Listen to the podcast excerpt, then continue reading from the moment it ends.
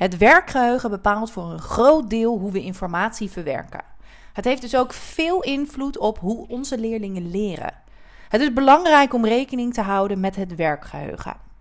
In deze podcastaflevering een korte uitleg over het werkgeheugen en een aantal tips voor in je les om het werkgeheugen optimaal te gebruiken en er echt rekening mee te houden.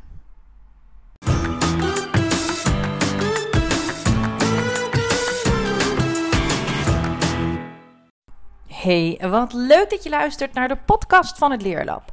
In deze podcast leer ik docenten, mentoren, coaches, SLB'ers, LOB'ers, eigenlijk alle onderwijsprofessionals die je kan bedenken, alles over leren, leren en plannen. Wat zegt de wetenschap? Wat zeggen de onderzoeken over deze onderwerpen? Maar nog belangrijker, hoe vertaal je dat naar de praktijk? Ik ben Laura en met het Leerlab heb ik een grootse missie, namelijk alle leerlingen in Nederland en België leren, leren en plannen. En om deze missie te bereiken ben ik heel actief op Instagram en maak ik elke zondag deze podcast. Ik hoop je te inspireren, maar ik hoop je vooral in beweging te krijgen zodat het leren en plannen makkelijker wordt voor je leerlingen. Ja, en zo ook vandaag weer een aflevering. Naar aanleiding van uh, vorige week enorm geleerd om niet te wachten tot het laatste moment. En dan toch in het weekend nog een podcast op te nemen. Nee, het is uh, vrijdagochtend, uh, middag, begin van de middag.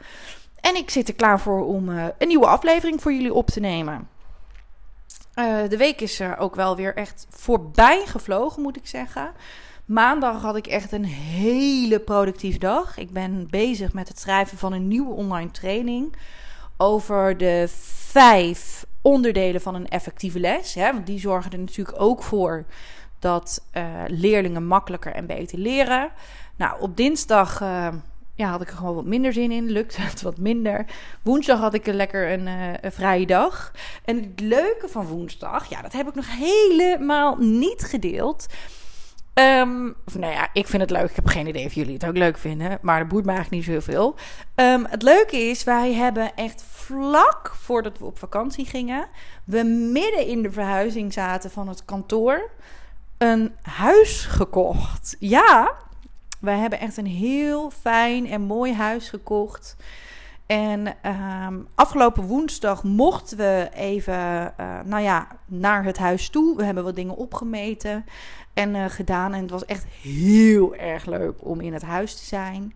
Nou, dat moesten we natuurlijk echt even vieren. We hebben het huis dat we het gekocht hadden, hebben we natuurlijk voor de vakantie wel gevierd. En toen kregen we in de vakantie te horen dat alle financiële aspecten ook rond waren. Dat is natuurlijk altijd nog even afwachten en spannend. Maar dat was dus ook rond. En uh, dus dat hebben we woensdag even gevierd met een biertje en een bitterbal uh, op het terras. En gisteren, ja, gisteren wat praktische dingetjes gedaan. Evelien, die is van de klantenservice, maar die is er natuurlijk niet. Dus ik probeer zo goed en kwaad mogelijk alle mailtjes die binnenkomen bij ons te beantwoorden. Maar maakte gisteren wel even dat ik wat minder tijd had voor andere dingen. Want eigenlijk wilde ik aan de slag gaan uh, voor de mastermind. Aankomende september gaat er weer een mastermind groep starten. En de eerste plekken zijn al vol. Uh, wat echt waanzinnig is. Um, en um, ja, goed om te weten, aankomend schooljaar. Ik had bedacht om het twee keer te doen. Maar het wordt gewoon echt wel weer heel vol in het schooljaar. En het is een intensief traject. Uh, vooral voor mij, hè, omdat ik dus live sessies uh, s'avonds geef. Uh, heb ik toch besloten om het aankomend schooljaar één keer aan te bieden. Goed om te weten, er zijn maximaal 16 plekken bezet. En momenteel zijn er 1, 2, 3, 6 of 7 officiële aanmeldingen. Dus mocht je nou um, mee willen doen in de mastermind, een kleine groep waarin je in zes maanden tijd gewoon alles gaat leren over het leren, leren en plannen. Uh, stuur me dan even een berichtje, want we kunnen even kijken of het mastermind traject dat voor je is. Uh, dan maak ik gewoon even een belafspraak. En ik ben er ook altijd heel eerlijk uh, in over als ik denk, nee, je weet te veel. Of nou ja, ik denk dat je te weinig weet. Of je, nou ja, ik, eh, kan ook zijn dat ik je adviseer om eerst onze online training te volgen. Daar ben ik altijd heel eerlijk in. Maar weet dus wel echt dat er beperkt plek is en dat we hem aankomend schooljaar slechts één keer aanbieden. Um, nou, dat is denk ik goed om te weten. Um, beluister je deze podcast voor het eerst en denk je echt, waar heeft het over? Nou, dan kun je op een hele laagdrempelige manier kennis maken met dit leerlab door onze gratis masterclass te volgen. In de show notes zet ik even een om, uh, omschrijving van onze masterclass. Daar kun je gratis voor inschrijven. Uh, en dan ga ik een aantal stappen met je delen die ik heb gezet, zodat de leerlingen wel wat gingen doen met mijn tips en adviezen die ik gaf. Maar vandaag dus een aflevering over het werkgeheugen en over um, hoe je die zo optimaal mogelijk kan gebruiken. Um, ik wil graag beginnen in deze aflevering met het uitleggen van. Uh, even een korte uitleg van het werkgeheugen. Ik heb het wel vaker over het werkgeheugen gehad. Ik heb er natuurlijk ook meer podcastafleveringen al over gemaakt. Um, maar nou ja, misschien uh, klik je toevallig voor het eerst de Leerlab podcast en denk je, nou, dit is leuk, dit wil ik uh, weten, dit wil ik horen. En weet je nog helemaal niks. Dus ik wil graag toch even een basis uh, geven. Daarnaast weten we natuurlijk allemaal, het de kracht van herhaling. Nou ja, het werkgeheugen bestaat uit drie onderdelen. Ze noemen dat het eerste onderdeel is het sensorisch geheugen, of eigenlijk het zintuigelijk geheugen. Dan komt het werkgeheugen. En het werkgeheugen noemen we ook wel het korte termijn geheugen. En dan als laatste het onderdeel het langetermijn geheugen. En eigenlijk zou je dan kunnen zeggen. Uh, eerst het zintuigelijk geheugen, dan het werkgeheugen en dan het langetermijngeheugen. Nou, alle informatie komt eerst binnen uh, in het sensorisch, of het zintuigelijk geheugen. Het zintuigelijk geheugen maakt een selectie en die selectie gaat door naar het werkgeheugen. En het werkgeheugen is een soort werkplaats waarbij alle informatie die binnenkomt, daar binnenkomt en ook wordt verwerkt. En dat wordt uiteindelijk doorgezet naar het lange termijn vergeheugen. Of we vergeten het. En er is eigenlijk altijd een actie nodig om het werk, de informatie van het werkgeheugen naar het langetermijngeheugen te krijgen. Het belangrijkste onderdeel van het geheugen als het om leren gaat, ja, het werkgeheugen. En goed om te weten, en ik denk dat ik dit nog niet eerder met je gedeeld heb, is dat het werkgeheugen bestaat eigenlijk uit vier componenten. Eerste component is executieve functie. Tweede is de fonologische lus. De derde is visueel-ruimtelijk kladblok. En de laatste is een episodische buffer. Ik ga je kort heel even uitleggen wat ik daarmee bedoel. Eerste component. Executieve functie. Ja, en die werkt als een soort opzichter. Zodra er informatie in het werkgeheugen binnenkomt, gaat, um, komt, dan kiest deze functie waar we onze aandacht op richten, waar we onze aandacht op vestigen. En het jammere is, we hebben hier geen invloed op. Ook al proberen we ons bijvoorbeeld heel erg te concentreren, een onverwachts geluid zal ons storen. Dus de executieve functie in dat werkgeheugen is een opzichter. En die kiest dus waar we onze aandacht op richten. Dan hebben we als tweede de fonologische lus. En die verwerkt spraak en andere vormen van auditieve informatie. Dan hebben we nog het visueel ruimtelijk klapblok. En je begrijpt, die houdt de visuele informatie in ruimtelijke relatie tussen voorwerpen kort vast. En dat heeft alles te maken met bijvoorbeeld in bewegingen in relatie tot de positie van het lichaam. Nou, en dan de laatste, dat is de episodische buffer. En die legt de link tussen de fonologische lus, dus hè, de spraak en andere vormen van auditieve informatie, uh, het visueel ruimtelijk kladblok en aanwezige voorkennis in het langetermijn geheugen. Nou, um, het is echt belangrijk. En ik weet niet, uh, nou, mijn ervaring is dat hier onvoldoende kennis en informatie over is. Maar het is echt belangrijk om rekening te houden met het werkgeheugen. En dat is eigenlijk een van de belangrijkste dingen om over het werkgeheugen vandaag aan je te vertellen is. Het werkgeheugen is beperkt. En dat houdt in dat het werkgeheugen gemiddeld vier brokken informatie tegelijkertijd kan verwerken. En deze houdt de, de, informatie wordt maximaal 15 tot 30 seconden vastgehouden. En dat is dan weer afhankelijk van de complexiteit en de nieuwe informatie die binnenkomt. We weten dus ook dat het werkgeheugen snel overbelast kan raken. En dat maakt het verwerken van nieuwe informatie, van jouw nieuwe lesstof, uitleg over je lesdoel, lastig.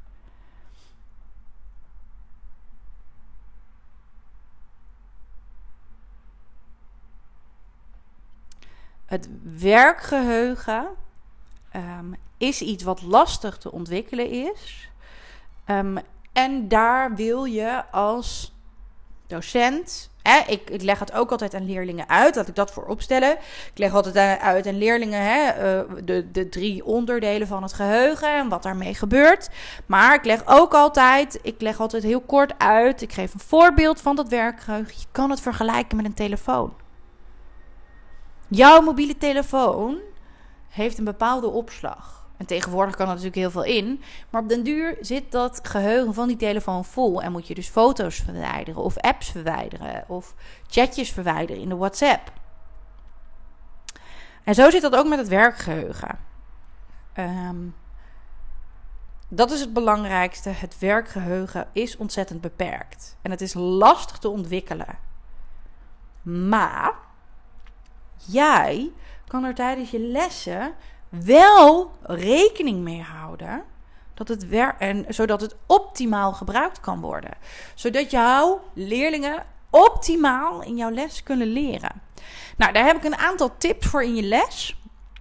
Um, en die wil ik heel erg graag met je delen. Dus als jij er klaar voor zit, uh, daar komen ze dan.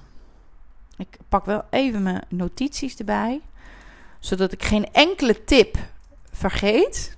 Dat is natuurlijk ook belangrijk. En de eerste is activeer relevante voorkennis. En relevant is nogal belangrijk om te noemen, want dit gebeurt 9 van de 10 keer niet.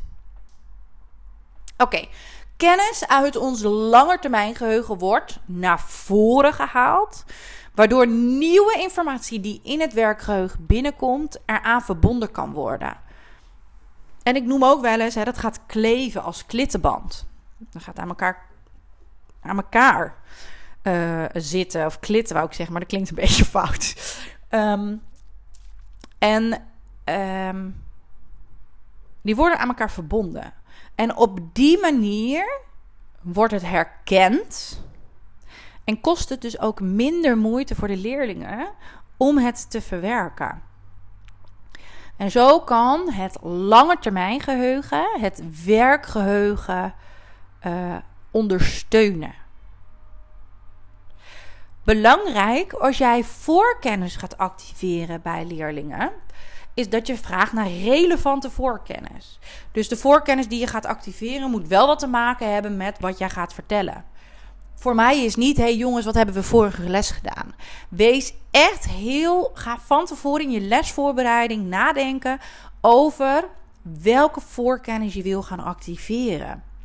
Welke vraag ga je stellen?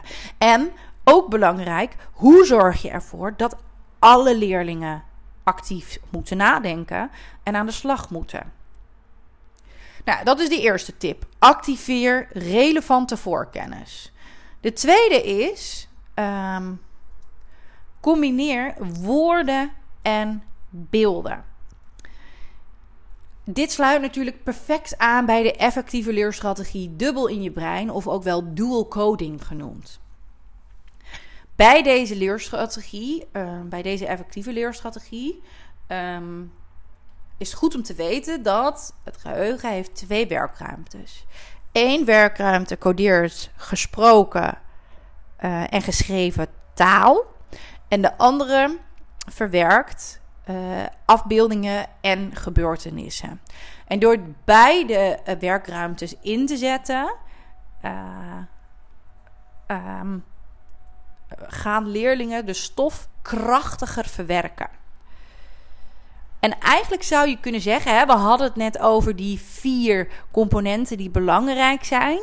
Um, en eigenlijk zou je hier kunnen zeggen dat op die manier verwerken leerlingen zowel het visueel ruimtelijke kladblok als die fonologische lus. En daardoor wordt de informatie krachtiger verwerkt, omdat het allebei zo is. En dit werkt um, vooral bij relatief uh, simpele leerstof, zoals het leren van begrippen of uh, bijvoorbeeld woorden in bepaalde categorieën kan heel erg werkend zijn. Maar ook, ja, ik heb ook echt meegemaakt in de praktijk dat het heel erg fijn kan zijn voor leerlingen die dyslexie hebben. En die echt niet uit al die lappen tekst komen bij natuurkunde, scheikunde of sowieso vakken die je misschien lastig vindt. Dus dat is tip 2. Ga uh, effectieve leerstrategie uh, dubbel in je brein inzetten. Ga dus woorden en beelden combineren. Komen we aan bij uh, tip 3. Um, ehm, en dat heeft um, te maken eigenlijk met twee dingen. en die, dat kun je doen als leerlingen iets lastig vinden. Maar ik vind sowieso dat dit wel heel erg mooi is om uh, rekening mee te houden. Allereerst is het. Nou, nou laat ik al die eerste tip de eerste tip doen. Um, als leerlingen de lesstof lastig vinden, ga dan de lesstof onder de loep nemen en ga kijken waar je de lesstof uh, in kleine stappen kan opdelen. Um, en zodat, het, uh, zodat je het eventueel uh, in kleinere stukken kan aanbieden. En stappenplannen zorgen er gewoon voor, echt voor meer structuur. Maar ga het ook verbinden aan concrete voorbeelden. Want die concrete voorbeelden gaan leerlingen echt helpen om het beter te begrijpen. En daardoor is het echt minder belastend. En dat kunnen concrete voorbeelden zijn die jij hebt uitgewerkt. Hè, dat jij laat zien hoe je een bepaalde berekening moet doen. En dan laat je er nog een voorbeeld zien en nog een voorbeeld. Maar um, in het geval van aardrijkskunde of iets anders, een concreet voorbeeld uitzoeken of meerdere voorbeelden uitzoeken die het, de stof concreet maken.